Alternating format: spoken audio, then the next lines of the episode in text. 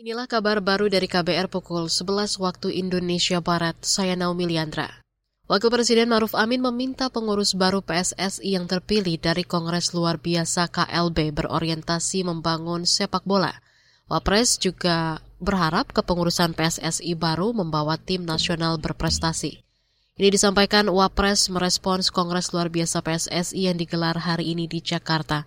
Agenda Kongres adalah pemilihan Ketua Umum, Wakil Ketua Umum, dan anggota Komite Eksekutif periode 2023-2027. Meminta supaya yang terpilih itu yang punya perhatian besar terhadap masalah sepak bola. Dia mengerti soal sepak bola.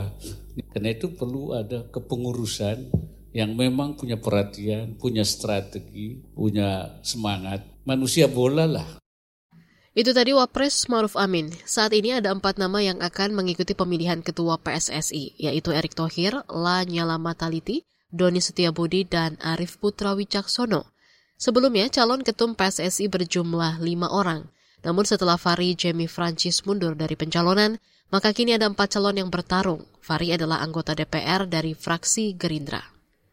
Komisi Hukum DPR menerima 71 daftar inventarisasi masalah DIM dari pemerintah terkait revisi Undang-Undang Mahkamah Konstitusi RUU MK. Menteri Koordinator Politik Hukum dan HAM Menko Polhukam Mahfud MD menyebut DIM yang diberikan berisikan RUU perubahan keempat atas Undang-Undang tentang Mahkamah Konstitusi. Maka pemerintah akan menggunakan kesempatan ini untuk menawarkan alternatif melalui daftar inventarisasi masalah yang menurut pemerintah merupakan upaya perbaikan dari keadaan yang sekarang. Artinya pemerintah menyetujui usul ini untuk dibahas. Rincian DIM yang diserahkan pemerintah di antaranya 40 DIM tetap, 4 DIM redaksional, 8 DIM substansi, 19 DIM substansi baru, dan 13 DIM penjelasan RUU tentang MK. DIM yang diserahkan juga berisi pengaturan kepanitraan, analisis ahli untuk membantu hakim konstitusi, hukum acara yang tidak diatur secara rinci, dan pengaduan konstitusional. Saudara, Kementerian Luar Negeri Selandia Baru belum berkomentar terkait foto dan video pilot Susi Air Philip Mertens yang kini disandera Tentara Nasional Pembebasan Papua Barat TPNPB.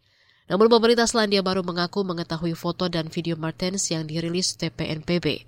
Dalam video dan foto yang dirilis, TPNPB mengklaim mereka menyandera pilot kewarganegaraan Selandia Baru sejak 7 Februari.